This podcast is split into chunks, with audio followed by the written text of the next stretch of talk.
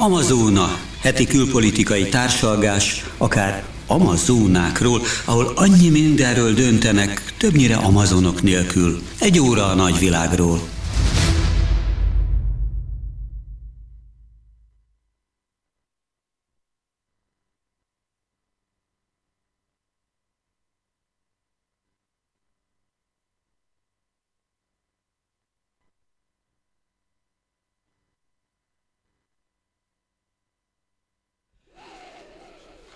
Jó estét, szép napot kívánok!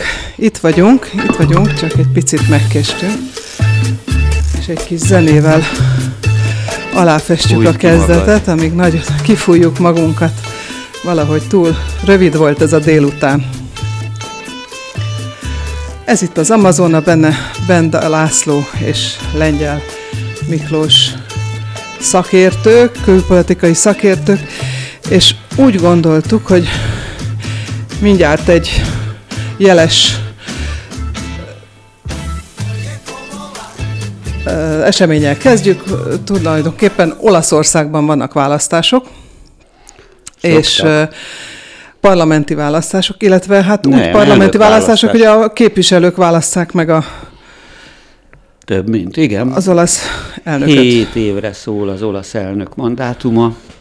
Jelenlegi elnök azt mondta, hogy nem vállal még egy kört, 80 éves Sergio Mattarella, azért még rebesgetik, hogy lehet, hogyha nem találnak méltó utódot, akkor netán rá tudják venni, hogy újrainduljon.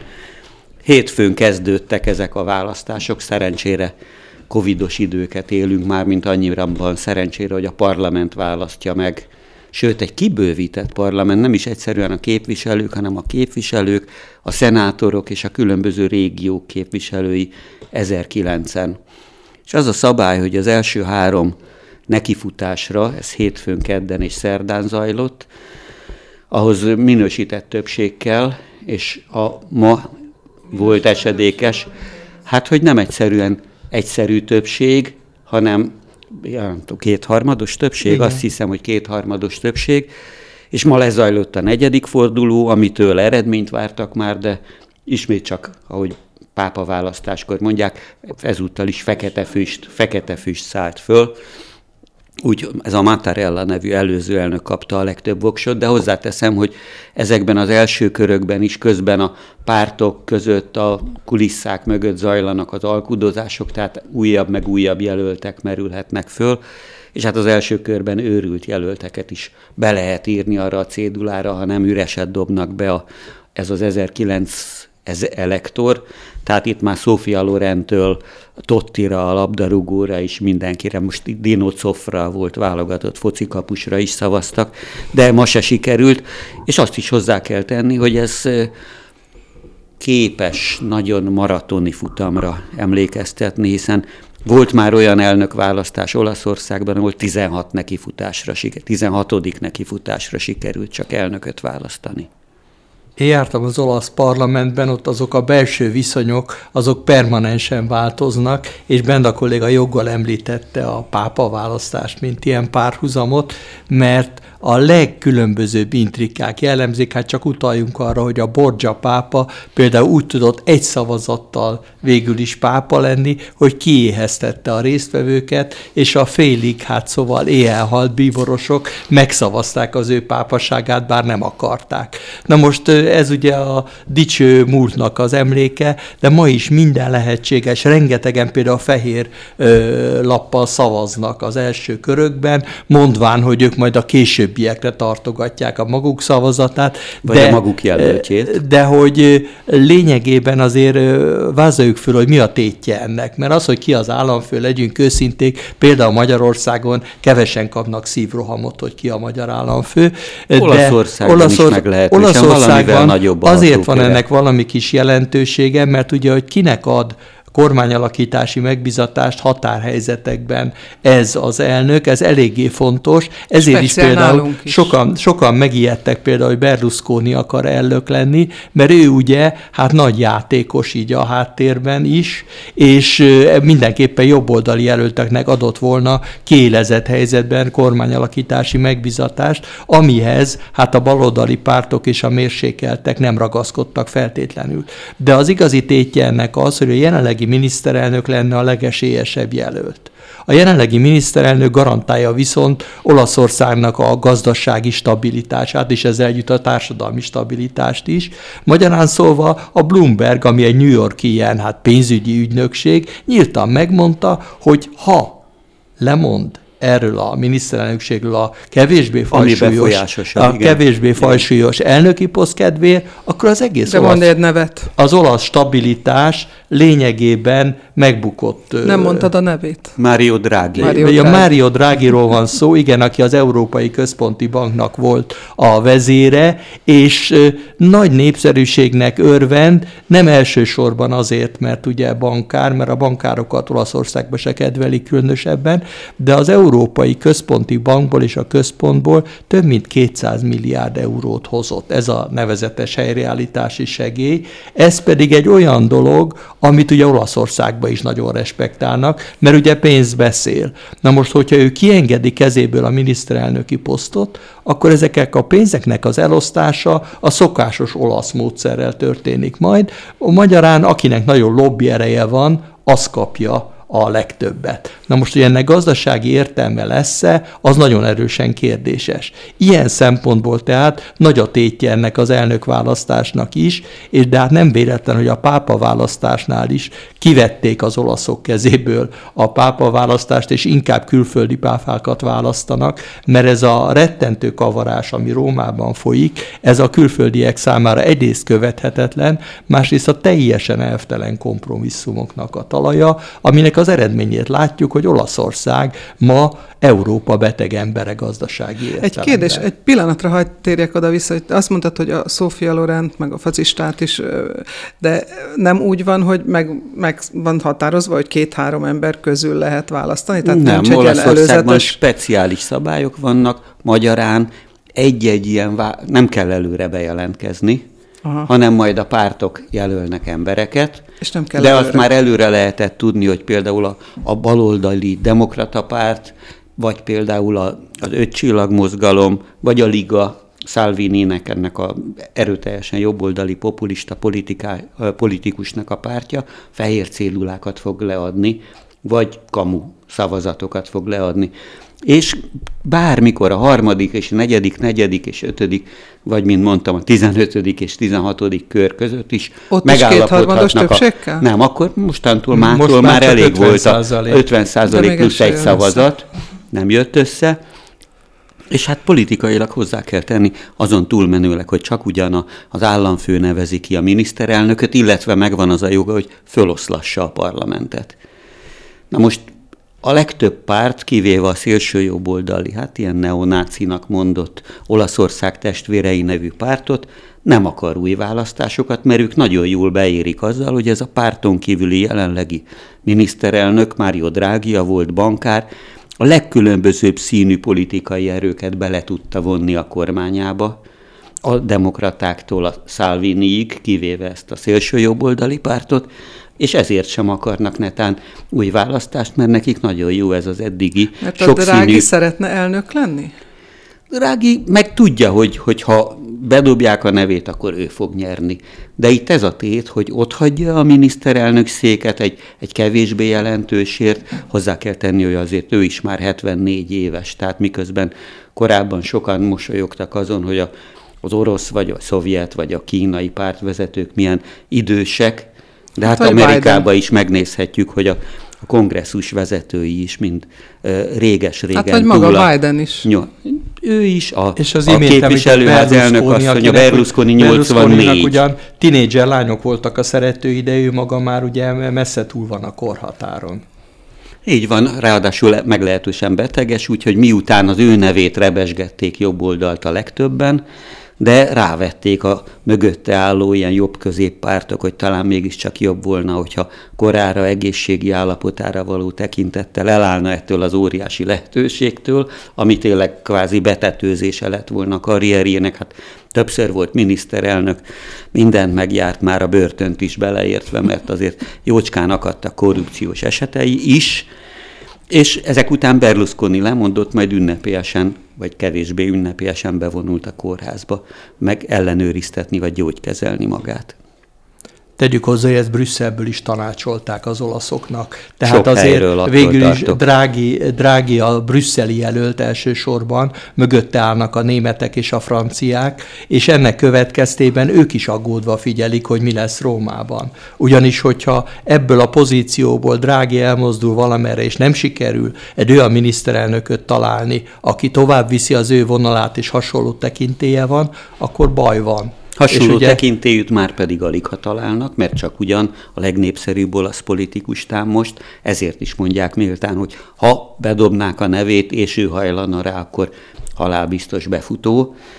Hát De akkor erre még szerintem a jövő héten visszatérünk ezek szerint, hogy most lehet, nyilvánvaló, hogy, hogy rebesgethetünk négy, öt, hat, hét nevet, aki már is ö, ott szerepel a különböző fiktív listákon, mint aki akár az elnöki székben, akár drági megválasztása esetén a miniszterelnöki székben követhetné, általában ilyen mérsékelt jobboldali politikusok, mert azt is hozzá kell tenni, hogy Olaszországban, ahol ilyen strandkormányok, labilis kormányok, sok pártból álló, parlament maga is eléggé széttöredezett voltak, ilyen nagyon ideiglenes strandkormánynak csúfolt minisztertanácsok, Hát ott bizony nehéz összetartani a brigádot, és ennek a dráginak sikerült. És hát a pápa után... választást említette bent a kolléga, említsük azt is meg, hogy a pápa választásnál alapképlet, hogy aki úgy lép be a közösségbe, hogy ő lesz a pápa, ő az esélyes, az biztos nem lesz. Tehát ott olyan kavarás folyik abban a körben, hogy gyakorlatilag nagyon nehéz jósolni, a jósok általában mindig pofára esnek. Na, zene után folytatjuk.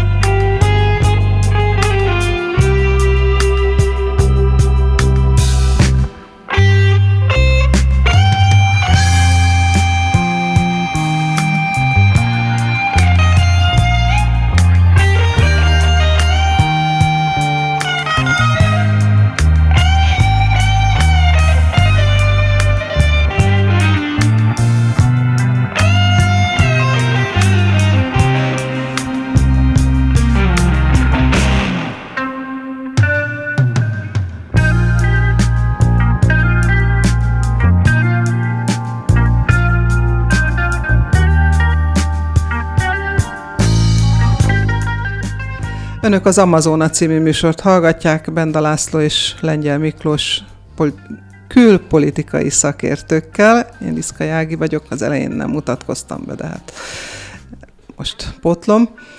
No, ö, menjünk tovább akkor a... Hát menjünk a Covid kérdés. Ezt nem lehet kihagyni mostanában, sajnos, sajnos, bár már azt mondhatnánk, hogy na, ma nem lesz Covid, mert nincs semmi újdonság. De van. Sajnos van, és nem jók a hírek. Tehát, ahogy említettem, hogy Olaszország szerencséjére idézőjelbe a parlament választja meg az elnököt, elképesztő számadatokat látunk, hallunk minden nap. A Covid-járvány legújabb variánsa az Omikron terjedése ürügyén, tehát már 365 millió fölött van világon a fertőzöttek száma. Bocsánat, elképesztő számokat produkáltak az elmúlt napok is itt Európában. Volt Franciaország, vagy 501, tehát több mint 500 ezer új fertőzött jelent meg egy nap alatt. Hát akár Magyarországon is. Magyarországon most éppen 20 ezer körül konvergál, körül. de azóta is, nap-nap után ma is Oroszországban, ha jól emlékszem, 88 ezer új fertőzöttet jelentettek, ott eleve kötelező home office-ra rendelték a közhivatalnokokat, de Németországban, Olaszországban magában is, Spanyolországban riasztóan magas számokat mutatnak, vagy éppen a Spanyolországgal szomszédos aprócska Portugáliában most vasárnap lesznek parlamenti választások. De egy héttel korábbtól, tehát már az elmúlt vasárnap óta levélben lehet szavazni, hogy minél többen ezeket sarkalják arra, hogy, hogy levélben adják le a voksukat, hogy szétoszóljék valahogy a tömeg, és nyilvánvaló, hogy a, a fertőzötteknek, meg egyebeknek nagyon korlátozott időhatárt adtak meg, hogy külön időben mehessenek el voksolni. És hát említsük meg Kínát, ahonnan kiindult a járvány, és uh, ahol olimpiát szeretnének rendezni nem sokára. Fognak is. Lesz a téli olimpia, ott van már az olimpiai, Nemzetközi Olimpiai Bizottság elnöke, akit fogadott Xi Jinping elnök, és szentületette a nagy esküt, hogy lesz bizony olimpia, holott már az olimpiai körben is belül is vannak fertőzöttek, és hát magában Pekingben is ott az Omikron vírus, amivel szemben a kínai oltás hát nem mutatkozik különösebben hatékonynak, hogy finoman fejezzük ki magunkat.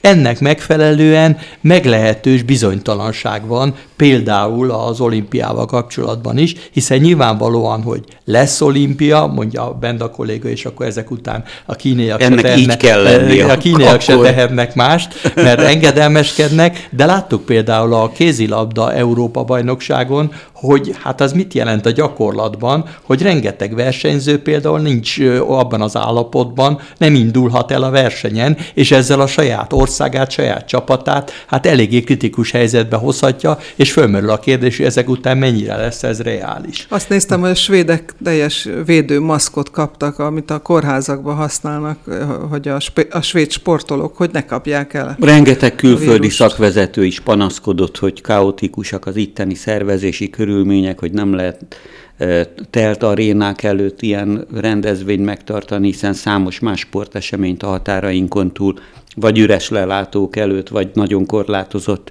létszámú közönség előtt rendeznek meg, és a franciák már az első szakaszban is panaszkodtak amiatt, hogy abban a szállodában, ahol laknak, nagyon menő budapesti szálloda, hogy ott együtt kell étkezniük maszk nélküli, és ki tudja milyen előbizonyítványa, most itt oltottságra gondolok, rendelkező emberekkel.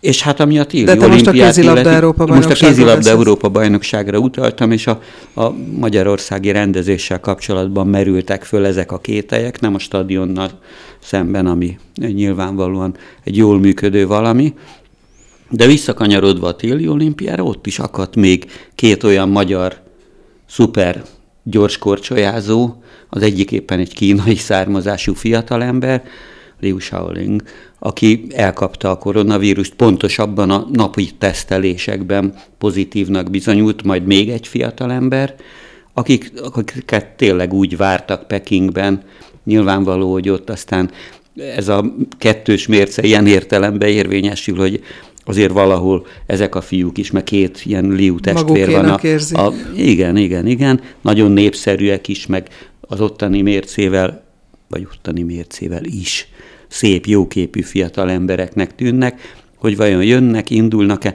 mennek, de hogy aztán később hogy alakul, és mennyire lesznek szigorúak a kínaiak, mert ott aztán tényleg az egész verseny Mikor alatt kezdődik az olimpia? Negyedikén, jövő hét hát, derekán. Szóval tíz napon belül vagyunk, és a karantén szabályok nagyon szigorúak. Ugye itt is a kézilabda ebén is az volt a probléma, hogy rengetegen lehet, hogy nem fertőződtek meg, de kapcsolatban álltak olyanokkal, akik megfertőződtek. Ennek következtében karanténra ítélték őket. Tehát minden ilyen versenyen úgynevezett karantén protokollt szoktak összeállítani. Hát például én az amerikai kosárlabdát nézem, ott is iszonyatosan iszonyú szigorúan. A versenyzők fele például azért hagyja ki a meccseket, nem azért, mert ő maga fertőzött, de kapcsolatban állt az edzése, akárhol másút fertőzött emberrel, akkor ő nem játszhat. Na most akkor gondoljunk bele, hogy például egy edző hogy állítja össze a csapatát, hogyha a felére nem számíthat ilyen vagy olyan okból. Tehát ez meglehetősen problematikus lehet, gondolom én, és tényleg hát Magyarország, ugye, ha jól tudom,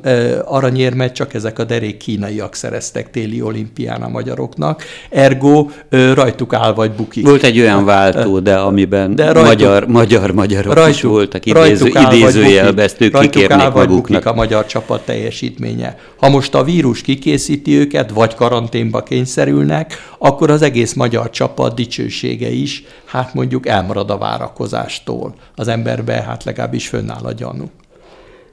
Igen, hát ez az egész koronavírus járvány, hogy még akkor ennek kapcsán mondjam, egészen faramuci érdekes kezdeményezéseket, meg kuriózumokat szül, sajnálatos volt a, a téli olimpia kapcsán mindaz, amit megemlítettünk, de Hollandiában, ahol ma nyitottak, ott is engedékenyebbnek bizonyultak, mint ahogy a brit kormány vagy Boris Johnson kényszerült ilyen engedékenyebb intézkedésekre.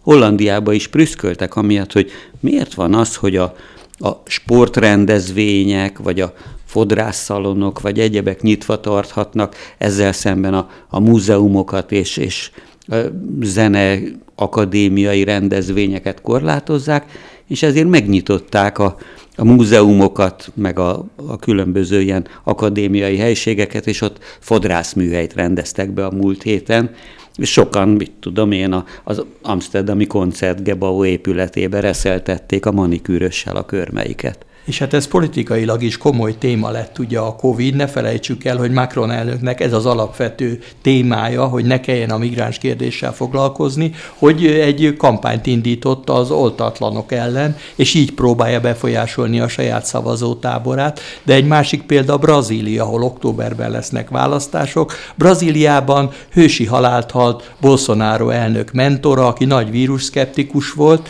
viszont a Covid vírus őt sem kimérte, és a túlvilágról jól integet jelen pillanatban. Olavo di Carvalho. Olavo di Carvalho, ha jól ejtem portugálul, majd Benda kolléga kiavítja. Carvalho, tölgyesi.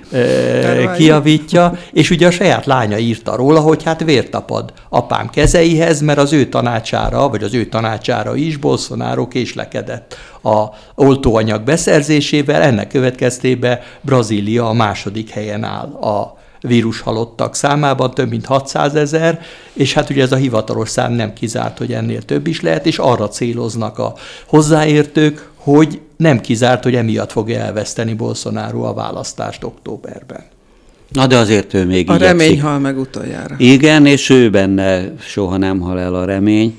Most éppen Moszkvába megy közvetlenül Orbán Viktor után, majd utána Budapestre is ellátogat, úgyhogy kellőképpen lobbizik, miközben tényleg keserves kényszerintézkedéseket hoztak magában Brazíliában is, hiszen egymás után másodszor kellett lemondani a, a riói hírneves karnevált, amit hát egyelőre most eltoltak áprilisra, de ez egészen szokatlan kivált kép, hogy ott tényleg már a jelmezeket, meg a, a a különböző táncokat, ott a Számbodromban már Rióban is, meg São Pauloban is a legnagyobb és az ottani gazdasági vagy pénzügyi fővárosban is már készítgették elő, de muszáj volt elhalasztani, mert olyan embertelen tempóban terjedott is az Omikron.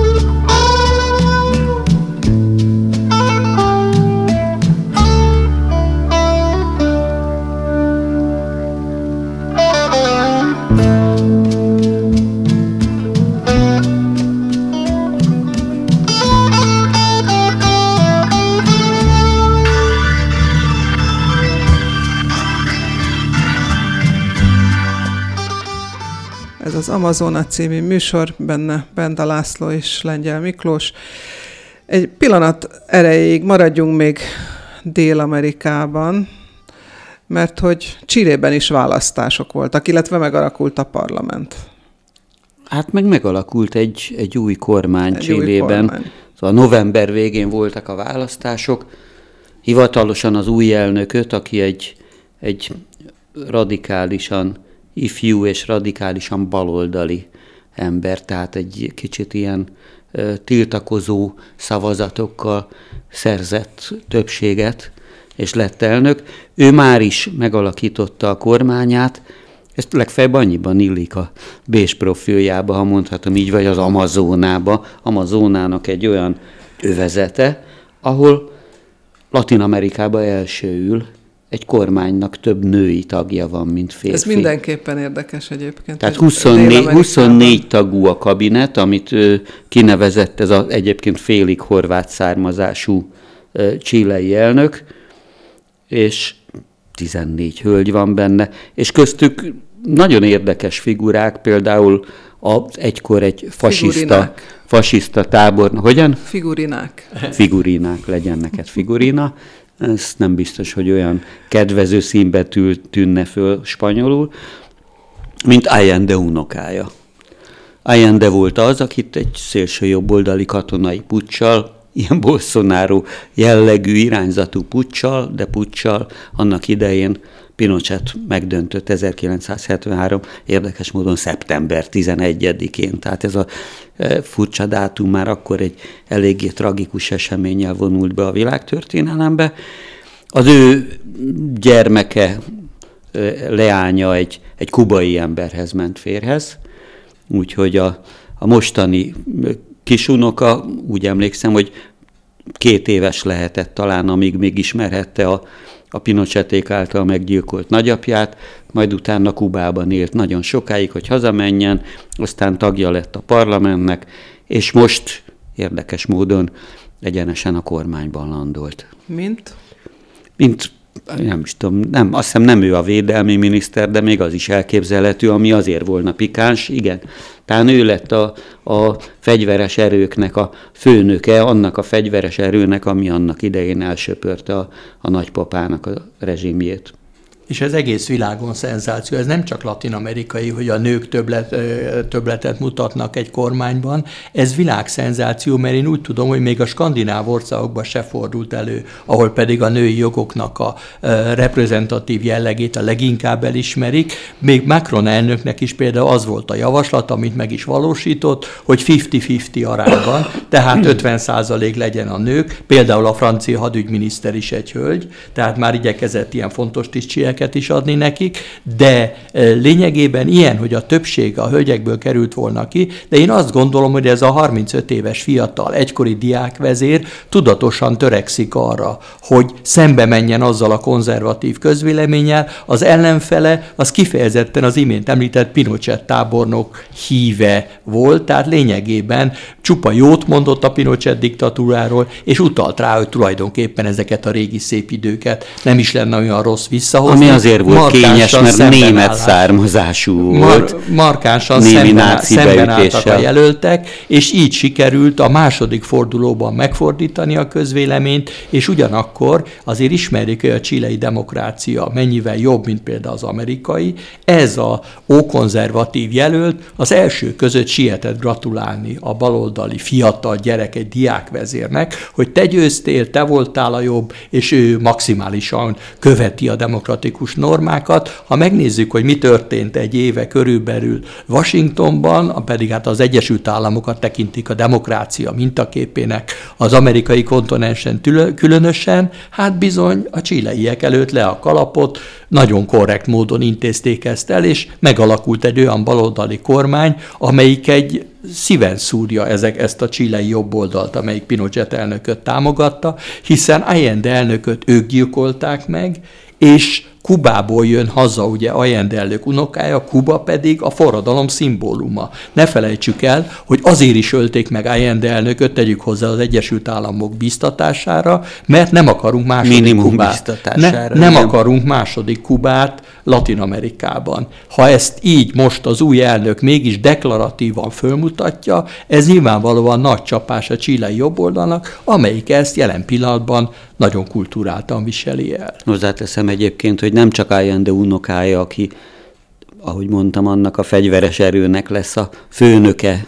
Persze az elnök az valójában, de ő lesz a nemzetvédelmi miniszter, amelyik a nagypapát eltette lábalul, hanem a belügyminiszter is. Egy nő lett, nagyon fiatalok általában ezek a, a miniszterhölgyek, az egyenjogúsítási, ami persze nem csak a női egyenjogúsítást jelenti, ami szintén egy jelképes gesztus, és a sportminiszter, aki egyébként a csilei nemzeti foci válogatottnak a tagja is volt, és Csillében, ha jól tudom, az első miniszter, aki bevallottan vagy nyíltan leszbikus. Sok szép mellett azért mondjuk el, hogy az igazi gyenge pontja ennek az új kormánynak a gazdaság.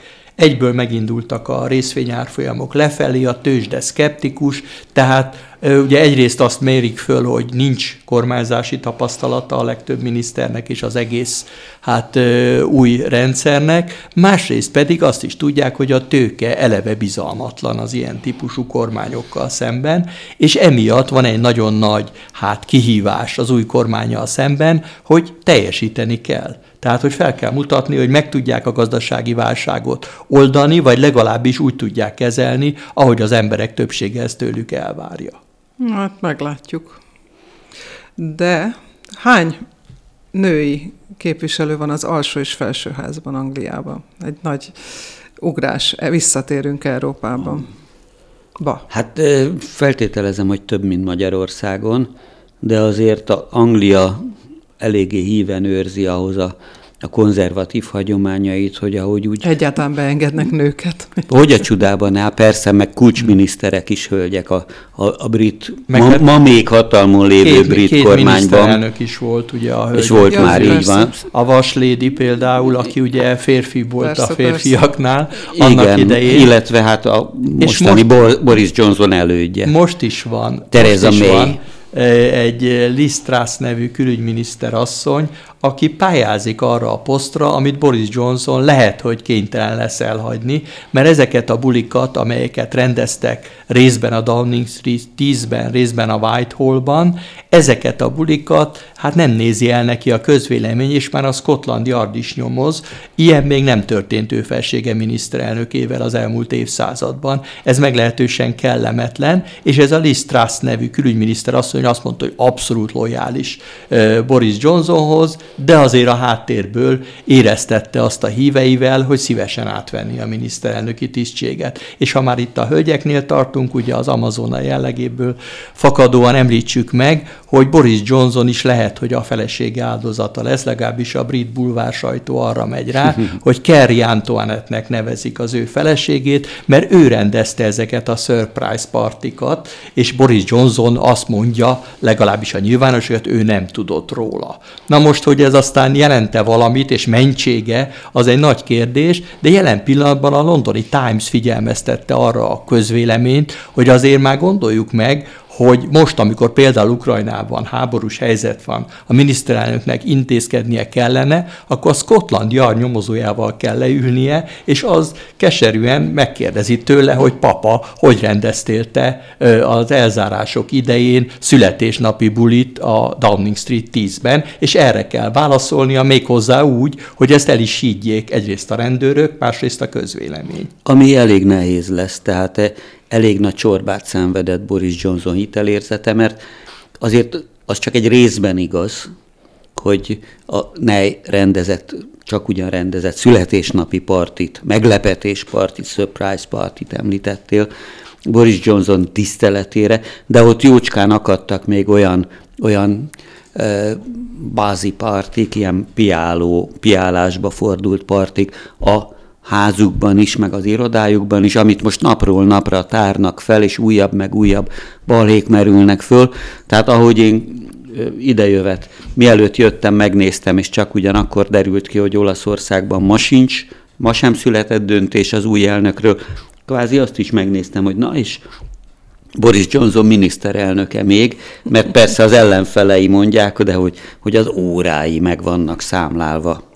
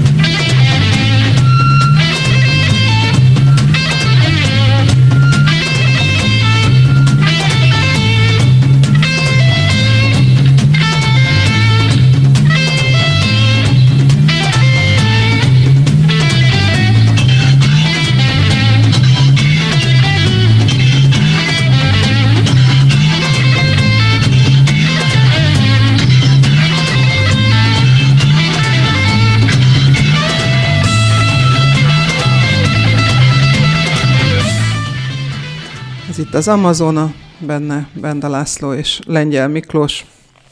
És ha már Ukrajnát emlegetted, Miklós, akkor megkérdezném, hogy ö, mit szóltok ehhez a, az orosz, vagy orosz, hát nem is tudom, magaslabda, ultimátum, békeajánlat, minek nevezzem? Hát békeajánlatnak semmiképpen se nevezném. Ultimátum lehet, hogy ez volna legjobb kifejezésre. Mert Arról az újságok szó... békaajánlatnak. Hogy mondod? Az újságok békaajánlatot Hát írtak. az orosz újságok egészen bizonyosan annak szánták, vagy annak mutatják be, mint ahogy sok minden másképpen mutatnak De nem kizárt, be, mint ahogy... hogy a magyar kormánypárti sajtó is. Én csak annyit mondtam, hogy az újságok, nem említettem, hogy ezt a, a New York Times tette volna, mert azért ott legfeljebb idézőjelbe és komikus jelzékkel kiegészítve tették volna meg. Hát az, hogy Térjünk vissza 1997-hez, amikor a NATO-orosz tanács létrejött, tehát az azóta a NATO tagjaivá vált országokból vonuljanak vissza az amerikaiak, vonják ki az erőiket, aztán ott valamit cizelláltak rajta, hogy ez csak Bulgáriára, meg Romániára vonatkozik, ebbe sem menne bele a akik, NATO, meg az amerikaiak. Akik vérmesen ellenálltak. Igen, aztán hozzáteszem, hogy ez természetesen az összes többi kelet-európai országra is érvényes volna, hiszen Magyarország is csak 99-ben lett a, a NATO tagja, és folytathatnám a sort egészen tavaly előttig, amikor utolsóként, máig legalábbis utolsóként Montenegro a NATO 30. tagországá, Észak-Montenegro, Észak-Macedónia, bocsánat, a NATO tagjává vált.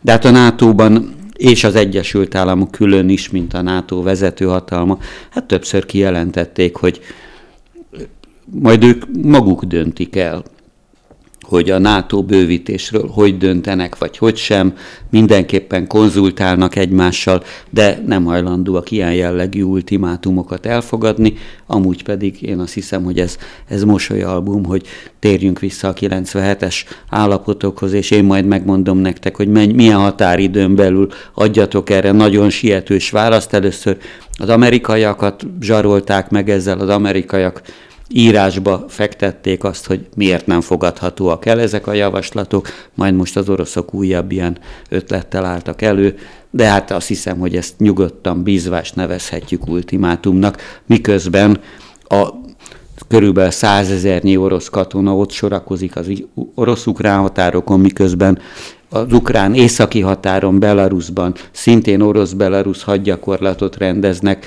és a délről pedig a Krímfél sziget felől is fenyegetve érezheti magát Ukrajna.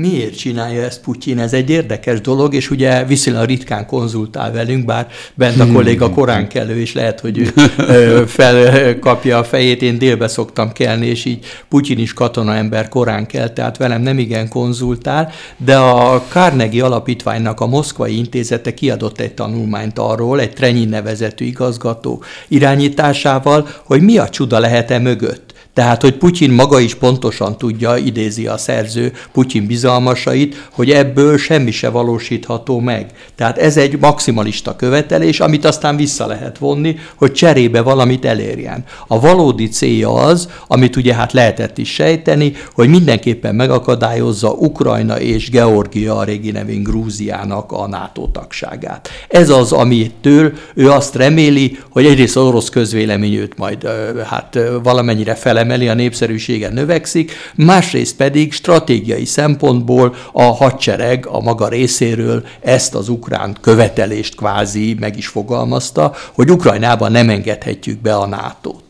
Na most azt írja ez a Carnegie Alapítványnak a tanulmánya, hogy pontosan tudja Putyin is, a katonák is tudják, hogy erre az Egyesült Államok kötelező ígéretet nem tehet. Mert ugye az amerikaiaktól várják ezt az ígéretet, pontosan tudják, hogy a NATO összes ügye az nagyjából tőlük függ. Erre nem tehet ígéretet, egyrészt ugye, mert már korábban ezt megígérte, legalábbis így papíron, dátum nélkül, de megígérte. Ukrajnának. Hogy, Ukrajnának megígérte, hogy bekerülhet tettek, és erre is hivatkozik mindig Zelenszky elnök, amikor az amerikaiakkal tárgyal. Másrészt pedig nem mondhatja azt, hogy hát hogy, hogy a érintettek feje fölött én megállapodom Oroszországgal. Ugye ne felejtsük el, hogy az összes többi szövetséges, nem csak Ukrajna, hanem például Lengyelország is egyből kikéri magának, hogy a feje fölött ugye attól félnek, hogy Moszkva és Washington megállapodik, és velük csak a végeredményt közlik. Ugye volt erre példa a 20. században nem is egy, de nem akarnak újabb a Stalin-Hitler paktumhoz hasonló megállapodást. Ennek következtében az oroszok a maguk részéről tulajdonképpen egy minimális követelésük az, hogy Ukrajna ne kerüljön be a NATO-ba. Ez az, amit Putyin fel akar mutatni a saját híveinek, és hát van egy rejtett szempont, amire szintén ez a tanulmány mutat rá, hogy tulajdonképpen az energiaválság mellett ez egy óriási népszerűségfokozó tényező lehet Putyin mellett. Az energiaválság ugyanis azt jelenti, hogy az Egyesült Államok és Oroszország óriási pénzeket vág zsebre és ebből az óriási pénzből Putyin elnök a eléggé csökkent népszerűségét vissza tudja szerezni, és ha még föl tudja mutatni azt a saját közvéleményének, hogy egyenrangú partnerként, ahogy mi szembeülünk bent a kollégával, így ül szembe Putyin, Bidennel, akkor ez egy óriási presztízs emelkedés, ugyanis Obama elnök Kerek Perec megmondta neki, hogy öreg, egy senki vagy. Lényegében katonai erőd egyenértékű az Egyesült Államokkal, de regionális nagyhatalom vagy, vagyis lényegében érd be azzal, hogy ott a magad kis szemétdombján ott uralkodsz, de ne képzeld azt, hogy a világ ügyeibe beleszólhatsz.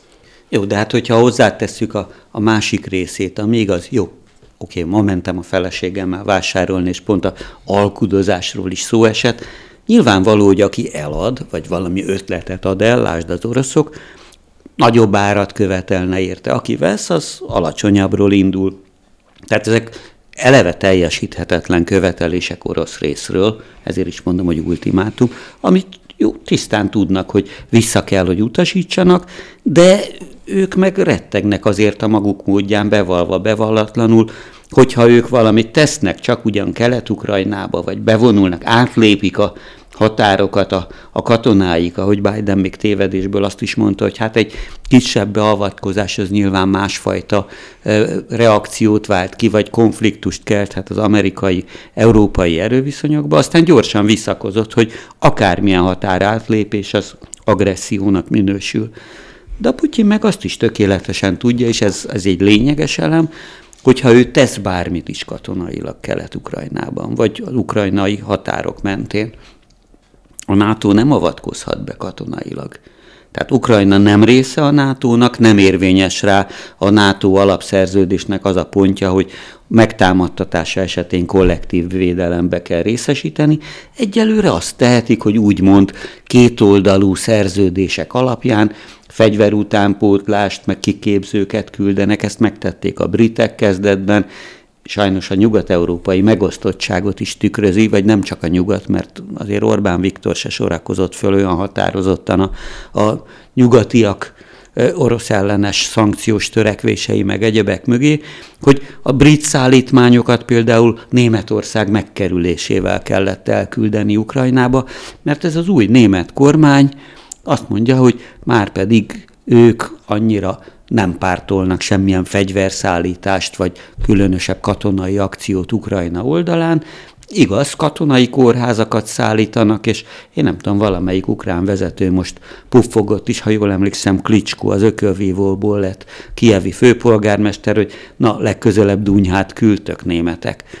De megérkeztek balti fegyverszállítmányok, cseh fegyverszállítmányok, valamiért a budapesti kormány ezen a téren nem jeleskedik. De nincs ezzel egyedül. Macron elnök például pénteken fog eszpét cserélni Putyinnal. Tehát a maga részéről ő is megpróbál közvetíteni diplomáciai úton, és Párizsban volt egy találkozó. Pénteken, az akkor tegyük hozzá, hogy január, 20, január 28-án pénteken, csak nem biztos, hogy... Igen, igen, tehát hogy január 28-án pénteken lesz egy ilyen telefonbeszélgetés, és volt egy összejövetel az úgynevezett Minszki formula, a normandiai formula, ahogy Benda kolléga mondta. Ez pedig az, hogy ketten vannak nyugatról, Franciaország és Németország, és ketten vannak keletről, Oroszország és Ukrajna. Na egy pillanat azért, a németek meg a franciák tulajdonképpen moderálják, koordinálják azt a beszélgetést, vitát, kötélhúzást, amit az orosz és az ukrán fél egymással folytat. Ez így van, de végül is így sikerült lezárni. Ne felejtsük el Merkel mamának a konfliktust.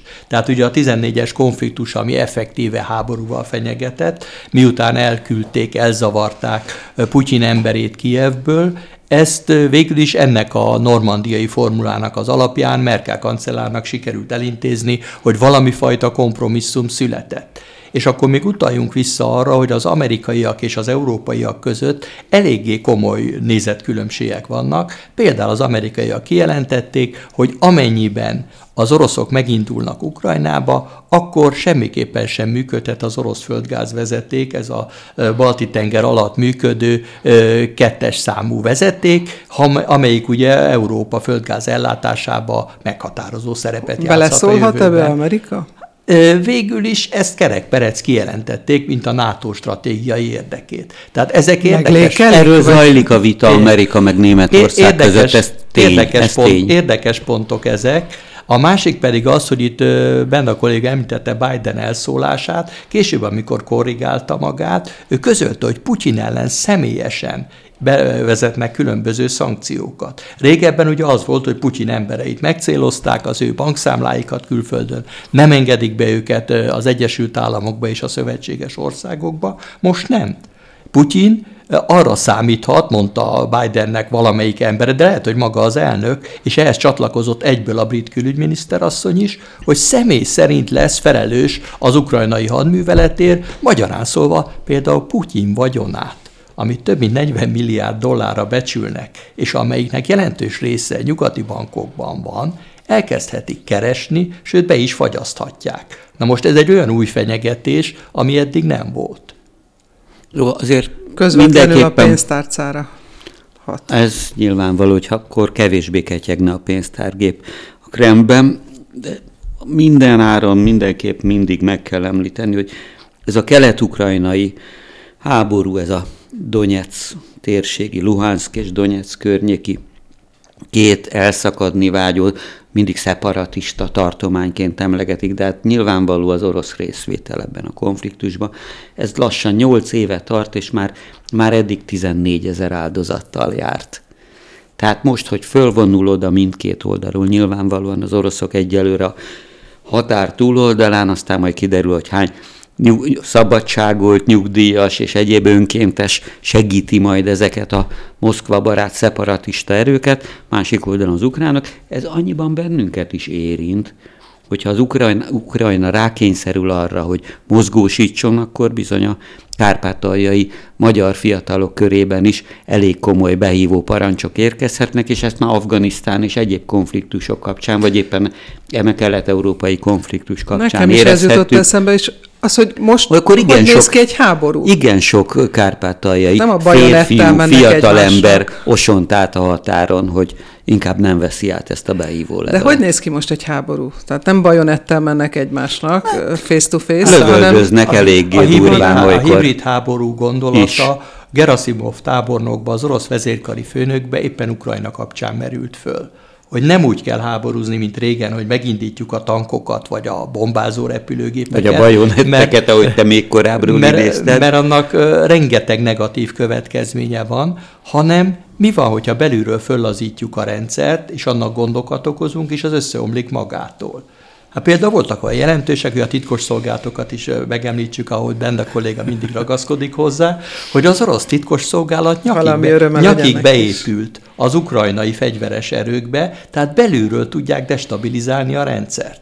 De ott vannak a hackerek. Ugye a hackerek például az információs folyamatot meg tudják állítani.